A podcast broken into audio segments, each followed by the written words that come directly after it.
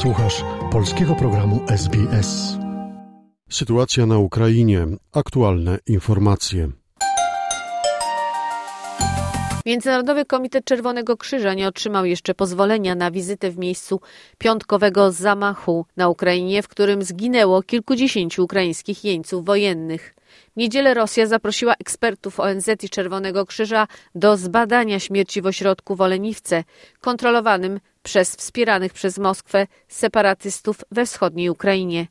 W oświadczeniu Międzynarodowy Komitet Czerwonego Krzyża twierdzi, że jeszcze nie otrzymał zgody na odwiedzenie ośrodka, dodając, że konieczne jest natychmiastowe udzielenie dostępu, aby przeprowadzić śledztwo.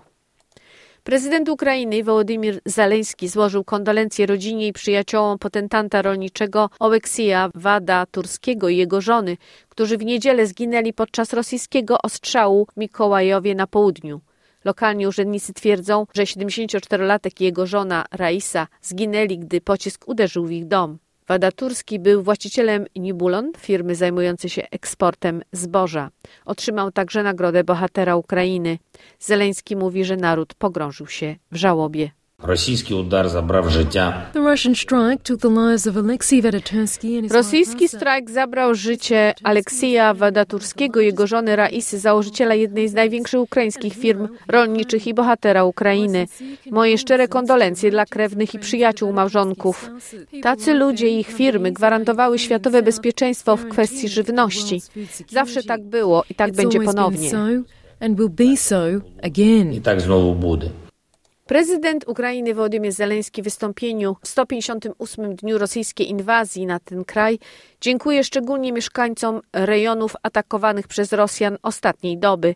Jak mówi, doszło do najbardziej intensywnego z dotychczasowych ostrzałów Mikołajowa i jego rejonów zaporowskiego i hersonskiego. Dziesiątki rakiet i reaktywnych snariadów. Dziesiątki rakiet i pocisków sterowanych okupanci kierują na budynki mieszkalne, szkoły i inne obiekty użyteczności publicznej, na zakłady przemysłowe. Władimir Zeleński poinformował, że rosyjska armia przesuwa siły na południe w okolice obwodów Zaporowskiego i Hersonskiego, ale to im nie pomoże, dodaje. Żaden z rosyjskich udarów nie zaliczaje bez... Żadne z rosyjskich uderzeń nie pozostanie bez odpowiedzi naszych wojskowych.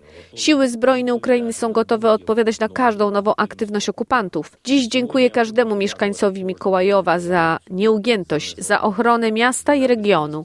Dziękuję również Charkowowi, Krywi i całemu obwodowi Dniepropetrowskiemu, silnym mieszkańcom Zaporoża i regionu, wszystkim Ukraińcom obwodu hersonskiego, każdemu. Dziękuję za Waszą odwagę.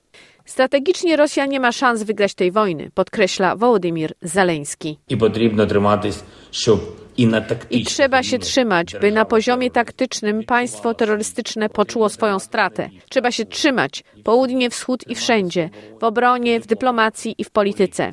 Zachowajcie naszą jedność. I to nie tylko do czasu zwycięstwa, ale także po nim, aby sprawnie przywrócić życie zniszczone przez okupantów. Wierzę, że wszyscy to zrobimy. Materiał opracowano na podstawie doniesień Newsroomu SBS oraz informacyjnej agencji radiowej. Zainteresowało Cię? Chcesz usłyszeć więcej? Słuchaj nas na podcastach dostępnych w Apple Podcast, Google Podcast czy Spotify lub w jakimkolwiek innym, który używasz.